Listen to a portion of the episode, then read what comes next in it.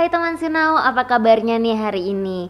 Nah, saya senang sekali ya bisa menyapa teman Sinau dan menemani kalian semua uh, dalam acara kesayangan kita Suara Sinau, Sinau Seumur Hidup. Nah, hari ini kita ditemani oleh Dr. Yuliati Syantayani yang sudah nggak asing untuk teman Sinau semua. Hai Bu Yuli, apa kabar? Baik. Bu Yuli terima kasih sudah hadir dan uh, mau berbincang-bincang dengan mm -hmm, saya di topik selalu. yang uh, sedikit berbeda nih hari ini. Uh, Bu Yuli sudah nonton belum episode kemarin?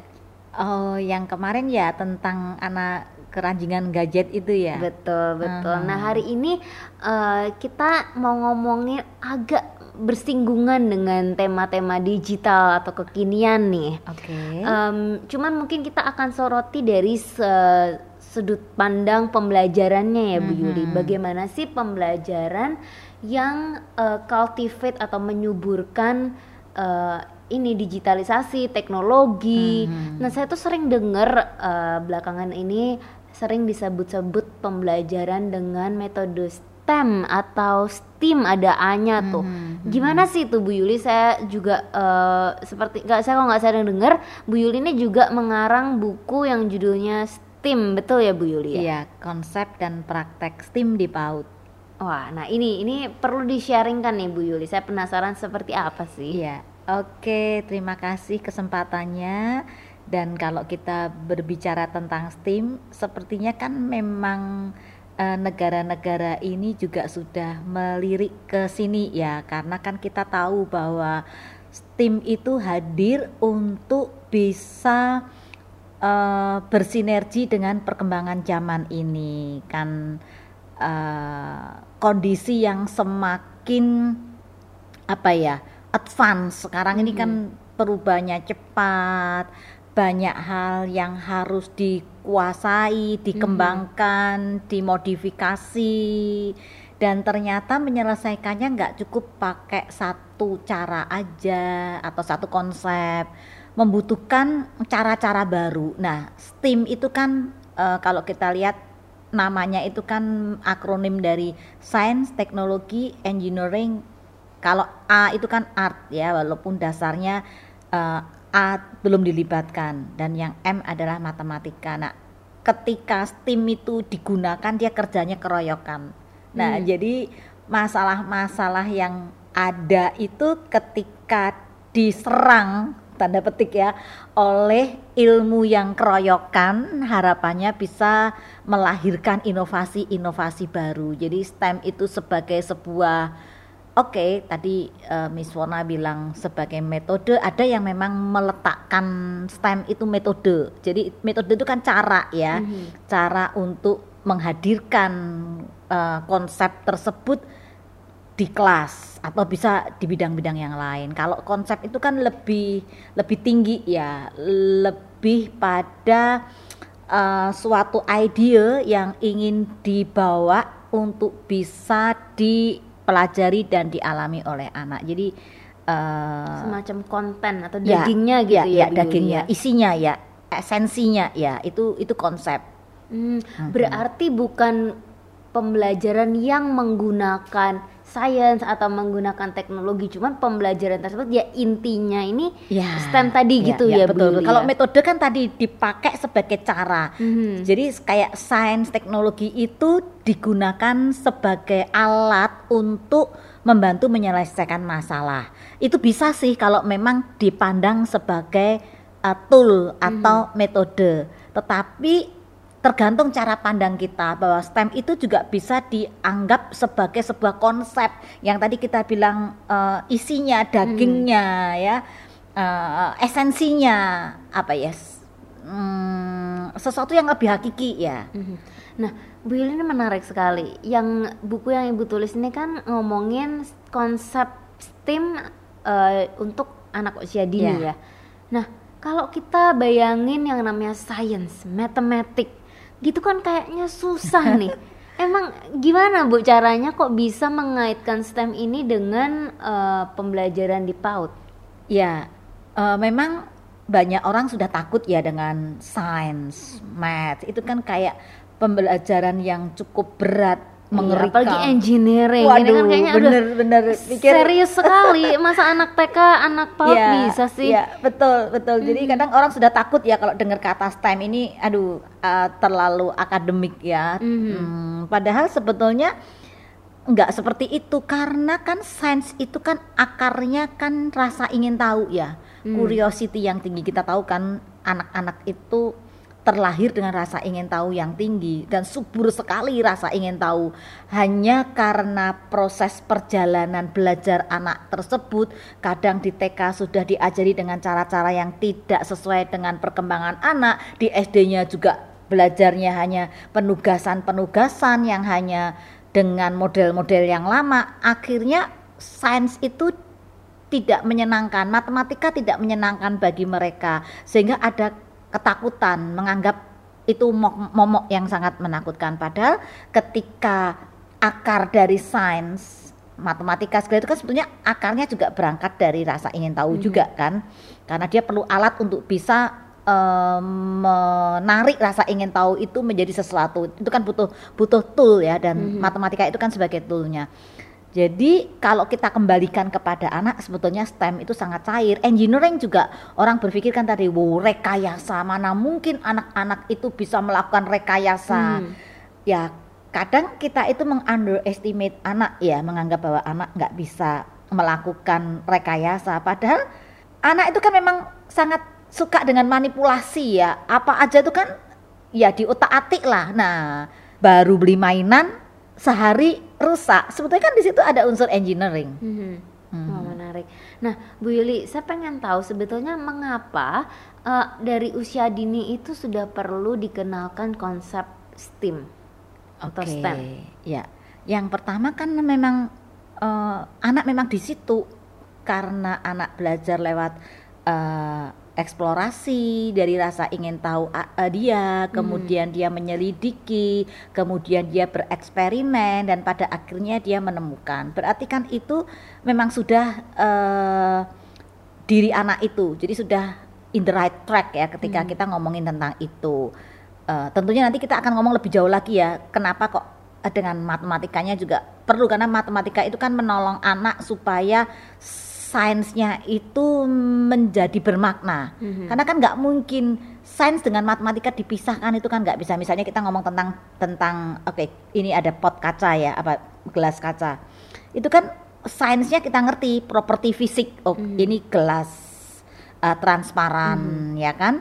Tetapi kan kita perlu menangkap ini dari sisi matematika. Oke ukurannya prediksi volume yang bisa diisikan ke situ ya. Ketebalan gelas itu sehingga ketika kita memegang kita handlingnya juga cukup bisa mencermati itu. Jadi sains dengan matematika itu memang tidak pernah dipisahkan. Kemudian kalau kita ngomong teknologi juga kita kan eh, tidak mungkin kita itu tidak menggunakan teknologi walaupun teknologi sederhana. Teknologi itu kan dari yang sederhana sampai yang sophisticated kan Uh, apa pun kita akan menggunakan teknologi. Karena teknologi itu menolong kita untuk bisa bekerja lebih efektif dan efisien. Kemudian engineering, teknologi itu pasti juga nempel. Seperti tadi matematika dengan sains itu nempel ya, seperti mata uang dengan dua sisi yang nggak pernah bisa dipisahkan. Demikian juga uh, teknologi dengan engineering, karena kalau ada teknologi perlu ada rekayasanya. Teknologi teknologi itu kan harus disentuh dengan uh, uh, apa kekinian supaya punya daya dongkrak ya, bisa uh, membantu kerja manusia dengan lebih efisien dan efektif. Nah, kalau A art itu kan lebih pada sekarang kan taste itu kan penting ya, good taste. Betul. Iya, sesuatu yang punya mem- mem- membuat emosi juga ikut bermain di situ. Sebuah benda ketika ada nilai artnya juga punya daya jual yang lebih baik dan sebagainya. Dan itu ada di anak-anak itu kan sudah punya jiwa eksplorasi seni, kemudian yang tadi saya sampaikan. Nah, itu kenapa uh, perlu diajarkan pada anak usia dini karena sudah sudah memang eh, apa ya hakikatnya anak itu di situ jadi bukan barang baru yang diimplankan dalam kehidupan anak karena memang sudah ada di anak itu itu kalau kita lihat dari ujung bawah ya tapi ke depannya ini kalau kita lihat dunia kan sudah bergerak ke sana Mhm. ya kan bahwa eh, ke depannya itu kan semua serba serba menggunakan teknologi semakin kita tahu lah sering kita bicarakan di edisi uh, episode kita sebelumnya kan. Sehingga anak ini harus kita persiapkan supaya nanti dia bisa mengisi kehidupan yang akan datang dengan kebutuhan saat itu. Jadi dunia pendidikan itu mumpung di usia dini kita membangun jembatan ya, jembatan kesetaraan hmm. supaya gapnya tidak terlalu uh, jauh. Hmm. Dunia virtual, dunia teknologi tetap kita hadirkan dengan cara-cara yang berpihak pada hmm. anak. Sejak usia berapa Bu Yuli uh, anak usia dini idealnya diperkenalkan pada konsep STEM? Uh, usia ya. Kalau mau tanya usia itu kan uh, sangat relatif.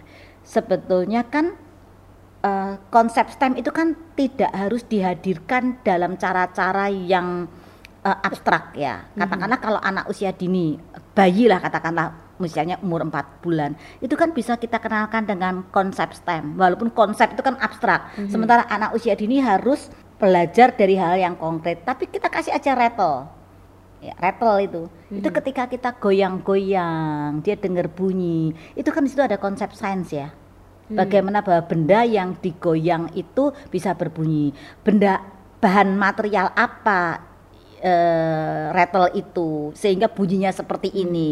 Ketika yang digoyang-goyang mungkin gelas atau dipukul-pukul ya kalau mungkin gelas atau gelas dikasih bola digoyang-goyang tergantung bolanya isinya apa uh, material apa itu kan akan menghadirkan bunyi yang yang berbeda-beda. Itu kan sebetulnya konsep uh, sainsnya ada. Kemudian konsep matematikanya juga kita bisa tunjukkan seberapa katakanlah uh, ukuran dari benda tersebut. Ketika rattle-nya satu bunyinya seperti ini. Rattle-nya dua bunyinya seperti ini. Cara menggoyangnya. Cara kita menunjukkan kepada anak dari sudut pandang yang berbeda. Kemudian kalau dipukul-pukulkan di uh, permukaan atau dikenakan dengan cahaya, maka ada pantulan. Itu kan sebetulnya juga sudah uh, STEM, hanya kita tidak mengajarkan wah bla bla bla bla enggak tapi memang menghadirkan sehingga anak itu mulai kenal hmm. gitu. Tapi kalau seperti itu kesannya ya memang STEM ini ada di lingkungan keseharian kita ya, ya Bu ya, Yuli ya. Se sebetulnya kan memang STEM itu bukan barang baru sebetulnya. Hmm. Hanya selama ini kan terpisah-pisah. Oh, ini sains, hmm. ini matematika. Kenapa STEM ini menjadi seksi sekarang? Itu karena justru keroyokannya itu hmm. uh, menjadi satu pasukan ya jadi ibaratnya kalau kita misalnya uh, seorang tukang lah seorang tukang mengerjakan suatu pekerjaan engineering kalau dia hanya menggunakan satu alat sementara pekerjaan ini cukup cukup sulit hmm. maka akan sangat terbatas ketika menggunakan satu perlengkapan tapi ketika dia punya tool yang lengkap nih oh nggak bisa pakai ini dia pakai ini nggak nggak bisa pakai ini pakai ini atau alat-alat itu bisa digunakan bersama-sama. Maka uh, lebih bisa digunakan untuk memecahkan masalah. Jadi dasar-dasarnya STEM itu sudah ada dan itu ada dalam kehidupan sehari-hari. Tetapi bagaimana mereka itu digunakan secara bersama-sama untuk memecahkan masalah? Memang kalau untuk baby katakanlah tadi belum memecahkan masalah karena hmm. baby kalau mungkin kalau sudah mulai setahun mulai sudah mulai punya masalah ya aku pengen ngambil mainan di situ tapi kok nggak bisa bisa itu kan dia punya masalah nih gimana hmm. caranya mengambil benda itu supaya bisa dipakai dia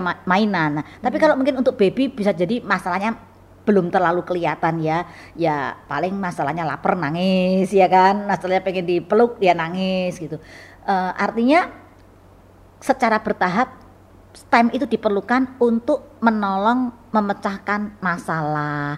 Uh, tentunya bagaimana dia harus mengambil keputusan, hmm. cara berpikir STEM itu akan membantu seseorang untuk memandang dari berbagai sudut dan akhirnya mengambil keputusan dengan analisis yang baik. Mm-hmm. Nah, untuk guru atau orang tua, bagaimana mereka bisa memfasilitasi dalam menghadirkan konsep STEM ini, Bu Yuli? Apakah ini adalah sesuatu yang memang perlu intentional di prepare, di plan, atau karena ini udah di mana-mana di kehidupan sehari-hari sebenarnya nggak perlu khawatir konsep STEM itu pasti ada? Ya, uh, konsep STEM itu pasti ada, tetapi ketika tidak ada orang dewasa yang mengaitkan atau hmm. menyangkutkan atau menghadirkan, maka anak itu tidak aware hmm. bahwa ini loh STEM. Bahkan orang tuanya sendiri pun juga tidak aware kalau dia tidak punya uh, knowledge yang cukup Hmm. ngerti tentang apa itu STEM karena itu guru, orang tua perlu ngerti apa itu STEM sehingga ketika dia paham, ketika itu muncul di dalam keseharian anak, uh, orang tua atau guru itu akan narik ke situ sehingga anak jadi notice dan belajar dari uh, peristiwa yang terjadi seperti itu. Apa yang terjadi Bu Yuli kalau eh, anak ini terlambat diajarkan tentang STEM atau mungkin tidak diajarkan, tidak dikenalkan konsep STEM ini? Apakah ada kata terlambat? Apakah nanti misalnya anak jadi eh, nggak suka dengan eh, yang namanya science misalnya? Ya, iya. Kalau menurut saya tadi kalau kita pandang STEM sebagai konsep ya, berarti kan itu akan mempengaruhi pola pikir Mhm. ya. Uh, pola pikir yang uh, STEMI yang ketika melihat sesuatu itu dia langsung analisisnya kuat dan tajam ya dengan berbagai sudut pandang tadi. Maka itu akan membentuk kepribadian dia. Mhm. Jadi dalam kehidupan sehari-hari dia akan lebih bisa memanage ya, melihat segala sesuatu dia problem solvingnya akan cepat Mhm. karena memang cara berpikirnya strategik. Tapi kalau itu tidak dihadirkan sejak dini, ya tadi lewat aja eh, dia tidak bisa menangkap itu dan ya akan mempengaruhi cara berpikirnya. Berpikirnya akan simple-simple saja. Mhm. Nah, apakah STEM ini satu-satunya cara untuk mengasah kemampuan problem solving manusia, Bu Yuli? Oke. Mungkin nggak diajarkan dengan metode lain? ya, ya. Atau ini cara yang paling baik nih sekarang? Ya, ya, oke. Kita pernah mempelajari di episode sebelumnya tentang berpikir higher order of thinking skills, ya, tentang piramida taksonomi Bloom, ya, di mana ada enam level berpikir kan, eh, yang tingkat rendah dari mulai hanya sekedar eh, mengingat, kemudian memahami, level ketiga menerapkan, dan di level keempat higher order of thinking itu di situ ada menganalisa, mengevaluasi dan merancang. Itu kan menggunakan eh, kemampuan berpikir yang sistemik. Nah, artinya katakanlah kita belum kenal STEM. Karena STEM itu kan memang muncul di tahun sekitar 1990-an akhir ya kalau di Amerika. Karena kan memang Amerika yang mengangkat STEM ini karena mereka kan dekat dengan eh, teknologi dan inovasi. Jadi dia menyadari bahwa eh, anak-anak didik mereka itu tidak suka sains, matematikanya rendah, di tes bisa mereka jeblok, mereka kebakaran jenggot kan. Jadi akhirnya mereka mencari cara gimana nih supaya mengangkat nilai eh, sains matematika mereka. Akhirnya diformulasikanlah oleh tim Dewan Nasional Sains dan ketemulah formula STEM itu. Nah, kalau sebelum ada itu sebetulnya kita sudah punya eh, kemampuan berpikir di higher order of thinking itu itu kan sepanjang manusia ada kan sebetulnya eh, kemampuan itu kan ada. Hanya kadang sistem pendidikan yang keliru tidak menyuburkan cara-cara berpikir untuk eh, menalar, eh, mengevaluasi, refleksi dan sebagainya. Sehingga saya sih tidak berpikir bahwa STEM satu-satunya cara karena eh, berpikir higher order of thinking itu membantu orang untuk bisa menyelesaikan masalah. Memang eh, higher order of thinking skill ini kan nempel dengan STEM. Hmm. Kalau sudah punya eh, apa ya konsep STEM, maka tahu dengan cara berpikir yang mengusik cara berpikir yang metakognitif Mhm. itu kan akan menjadi perpaduan yang menarik ya untuk menolong memecahkan masalah gitu. Nah Bu Yuli, eh, saya juga penasaran sama bukunya. Saya dari tadi kelihatan nih warna-warninya ini menarik. Di buku Ibu Yuli ini boleh ceritain dikit nggak sih isinya apa lagi? Apakah eh, ringkasannya sudah seperti yang kita bicarakan ini? Ya, ini hanya kulit kulit aja ya. Buku itu cukup tebel. Kalau nggak salah 200 lembaran deh. Dan uh, cukup uh, ditambahkan dengan kisah-kisah nyata di dunia PAUD. Jadi selain konsep sejarahnya STEM, apa itu STEM, ruang Hmm. lingkupnya, mengapa STEM, kebutuhan STEM yang akan datang, bla bla bla bla, itu ada semua lengkap. Saya pikir eh, bisa dilihat juga referensinya. Eh, saya menggunakan buku-buku yang cukup kekinian, bahkan tahun-tahun baru ya. Mhm. Dan buku-buku itu eh, sebagian besar saya punya fisiknya, karena saya kan beli lewat Amazon dan ada di Kindle. Mhm. Mudah kan untuk mengakses buku itu. Termasuk ketika saya main ke Amerika, saya belanja saya itu kan daripada beli kosmetik, saya lebih memilih beli buku. Setiap pagi buka pintu apartemen, wah buku pesanan saya datang baru-baru dan bagus-bagus. Jadi eh, dan saya juga punya hobi suka baca. Sehingga yang saya tulis di situ bukan sekedar opini saya, tetapi memang ada kajian-kajian yang memang sudah dipublish di buku-buku yang di eh, cukup eh, terrekomendasi. Nah, kemudian eh, kami hadirkan di laboratorium kami. Dalam arti ya karena kita punya sekolah dan sekolah kita kan memang sudah play based dan juga eh, mengembangkan kreativitas. Sehingga sangat mudah sekali eh, STEM itu untuk nempel di situ dan kita sudah praktekkan.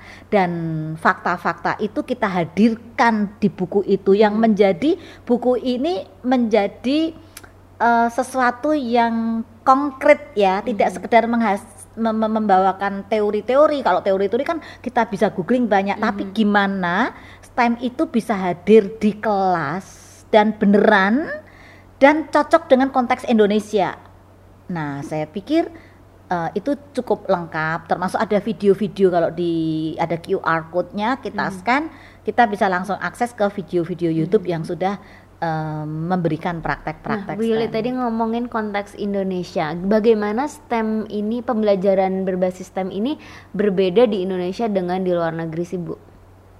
Sebetulnya kalau itu konsep kan mestinya sama ya. Mhm. Walaupun eh, bentuk konkretnya itu sangat bisa beragam, tergantung dari eh, situasi, budaya. STEM itu kan bisa nempel di mana pun. Mungkin pada suatu momen dia akan lebih kuat di sainsnya, di momen yang lain dia kuat di matematika, di yang lainnya artnya. Sebetulnya nggak ada masalah sih, karena itu kalau kita lihat kan covernya eh, sebetulnya gears roda gigi ya. Kalau kita lihat konsep kerja dari roda gigi itu kan memang beberapa komponen yang bergabung jadi satu dan bersinergi. Ketika itu bergerak bersama-sama, ada transmisi daya yang di diberikan kepada roda gears itu kan dia akan bergerak kan dan menghasilkan tenaga ya. Mobil, eh, motor itu kan punya gears sehingga mesinnya bisa bergerak. Uh, mungkin di gears itu ukurannya ada yang berbeda-beda, ada yang kecil, ada yang besar, jumlahnya juga berbeda. Itu akan mempengaruhi kekuatan kecepatan ya. Nah, jadi tadi saya bilang kalau mungkin stemnya nempel di art bisa saja mungkin di Indonesia ini kan artnya cukup kuat di budaya-budaya tertentu memang sangat uh, kuat dengan ya tadi uh, musik daerahnya atau kesenian tradisionalnya di situ juga bisa ditemukan STEM. Karena kan tadi sebenarnya STEM itu kan juga bisa sebagai pola pikir atau mindset habit of mind ya kan? Kemudian juga bisa sebagai tadi eh, saya bilang muatan. Kalau muatan kan lebih ke kontennya. Termasuk yang paling paling ringan adalah digunakan sebagai metode yang tadi untuk dibawa. Masing-masing punya kadar yang berbeda-beda. Tetapi yang jelas sangat sangat mungkin digunakan di Indonesia di konteks kita. Mhm. Mungkin yang menantang memang SDM-nya sih. Gitu ya. Menantangnya seperti apa Bu Yuli? Ya karena untuk memahamkan tentang STEM itu ya butuh proses ya karena tadi kemampuan SDM kita untuk berpikir yang higher order of thinking itu kan belum terbiasa. Mereka biasa ya kalau ketemu anak-anak pertanyaannya itu pertanyaan menguji. Itu warnanya apa? Ada berapa? Itu apa? Nah, kadang anak-anak itu kan juga merasa nggak nyaman untuk menjawab karena merasa diuji. Sebetulnya kan orang tua daripada tanya yang kayak gitu hanya ngetes wong sebetulnya sudah tahu, tapi kayaknya hanya untuk mengisi hubungan supaya ada komunikasi interaktif kayaknya kayak gitu. Padahal kan akan lebih bagus ketika oh kamu bisa ceritakan tentang apa yang kamu buat. Oh kenapa hmm. seperti itu? Itu kan tadi level higher order of thinkingnya kan akan dipakai dan menantang anak untuk berpikir. Nah itu yang belum terbiasa uh, ada pada guru-guru kita. Jadi kayaknya perjuangannya di situ deh. Wah, tugasnya Bu Yuli berat nih.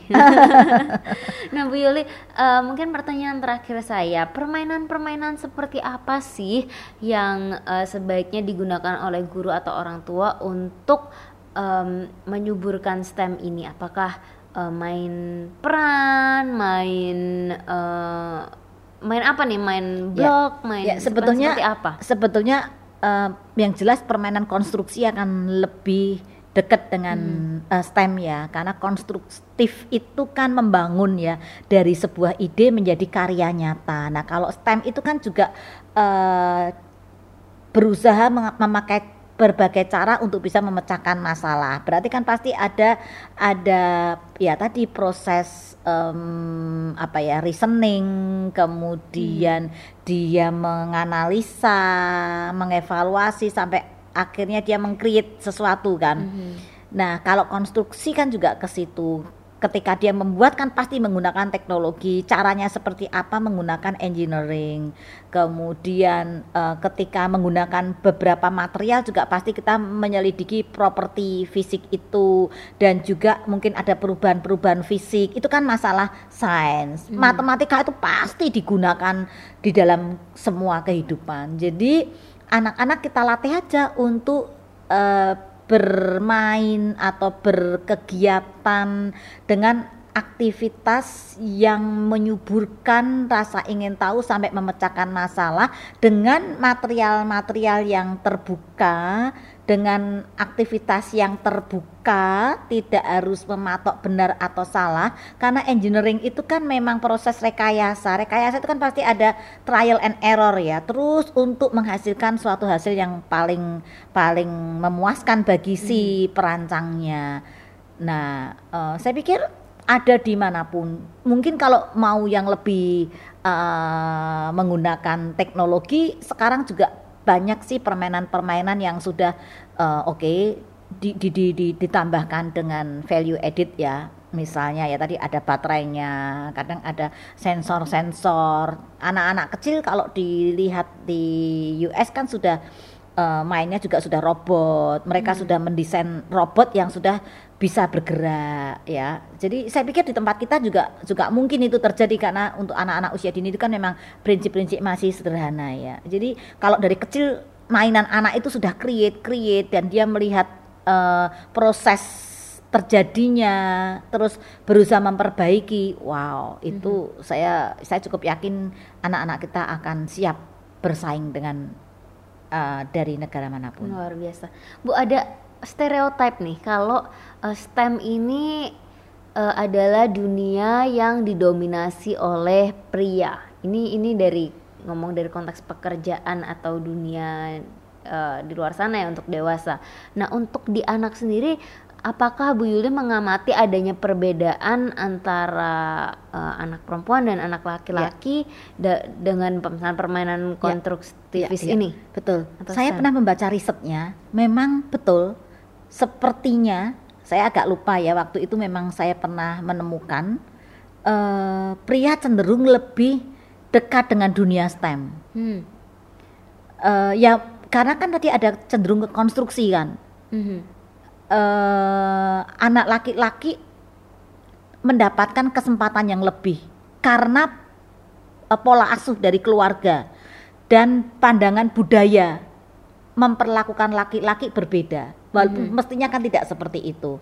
Uh, tapi kalau dilihat ini mestinya neuroscience yang akan melihat kapasitas otak ya karena sepertinya kan memang kita bisa menangkap bahwa otak laki-laki itu kan lebih uh, logikalnya lebih jalan ya bukan berarti perempuan tidak sih, tetapi kapasitas untuk berpikir logikanya itu kan lebih tinggi kan. Mhm. Makanya orang bilang otak kirinya lebih besar daripada otak kanan kan itu sering kita eh, dengar. Eh, tetapi menurut saya hmm, bukan berarti anak perempuan tidak bisa dibawa ke sana kalau stereotip eh, dan pola pikir orang tua itu tidak mendikotomi antara laki-laki dengan pria. Hmm. Andai kata, mungkin ini menarik untuk diteliti bahwa laki-laki atau anak perempuan itu mendapat kesempatan yang sama oleh orang yang sama yang punya kekuatan STEM itu bisa dilihat seperti apa progresnya walaupun menurut saya kalau soal biologis sepertinya memang mungkin berpengaruh tetapi harus dilihat seberapa pengaruh Hmm. itu toh kapasitas dasar itu eh, bisa diubah dengan intervensi yang kuat. Bahkan sebetulnya bukan soal intervensinya tetapi eh, apa ya frekuensi yang tinggi. Saya pernah baca buku apa saya lupa outliers? Hmm. itu kan ada variabel orang sukses itu dengan latihan yang eh, tekun ya Mhm. walaupun ada kesempatan peluang apa faktor luck itu juga mungkin ya kan? Kesempatan eh, apa modal dasar artinya dia berangkat eh, tidak dari titik nol. Tetapi maksudnya mereka orang-orang yang sukses kalau kemarin itu di buku outliers eh, orang-orang Kanada itu lebih banyak ke olahraga bidang apa baseball atau apa saya lupa ya. Hoki ya hoki ya Karena lingkungannya ya, seperti ya, ya, itu. lingkungannya seperti itu dan mereka yang juara sampai level nasional dan ke internasional itu kapasitas latihan mereka per minggu itu sudah sampai 40 jam. Hmm. Eh, dibandingkan mereka yang tidak lolos itu setelah dilihat ternyata kapasitas latihannya hanya sekitar 10 jam per minggu atau 20 jam. Maksud saya barangkali perempuan dengan laki diberikan intervensi yang sama oleh orang yang sama, mungkin si perempuan ini eh, memang kapasitas untuk sainsnya eh, terbatas karena tadi ada faktor genetis ya karena memang otak perempuan tidak tidak beda. Tetapi ketika latihannya lebih tinggi sementara yang laki tidak bisa jadi bahwa yang perempuan ini punya kesempatan untuk berhasil. Nah itu makanya saya tadi penasaran ya ke Bu Yuli lihat bagaimana sih kalau di Bukit Aksara kan itu ibaratnya lingkungannya diberikan perlakuan yang sama nih antara anak perempuan Ya. dan anak laki-laki apakah ada perbedaan? Ya, tapi betul. eh, kita mhm. pernah pernah muat deh kemarin itu di project based learning yang dilakukan anak perempuan SD kelas 5 kalau di 6 SD kelas 6 dia sudah buat radio transistor. Wow. Ya, kemudian ada di SD kelas 4 perempuan itu juga sudah mengerjakan hal-hal yang kesannya itu cowok banget ya. Mhm. Karena kita juga tidak membedakan sih. Kalau kamu minat ke situ, why not? Mhm. kita memfasilitasi orang orang tua keluarga berperan di situ jadi saatnya ya kita tidak membedakan kemampuan laki-laki dan perempuan bukankah kita juga punya astronot perempuan yang bisa sampai ke bulan Mhm, ya mhm. kan jadi perempuan juga bisa Keren Ah. banget. Oke deh Bu Yuli terima kasih Oke. Eh, pembicaraan kita menarik sekali. Mungkin untuk teman Sinawi yang pengen belajar lebih lanjut tentang eh, STEM bisa beli bukunya Bu Yuli di mana nih Bu? tinggal cari di Shopee Mhm. gampang klik dan buku akan segera datang Dapat tanda tangannya Bu Yuli nggak nih? boleh deh kontak Udah dulu tapi ya aja ya. Oke, terima kasih Bu Yuli. Ntar kita Sama-sama. ngobrol kapan-kapan. Terima kasih semua teman Sinau. Sampai ketemu Sabtu depan ya. Bye bye. bye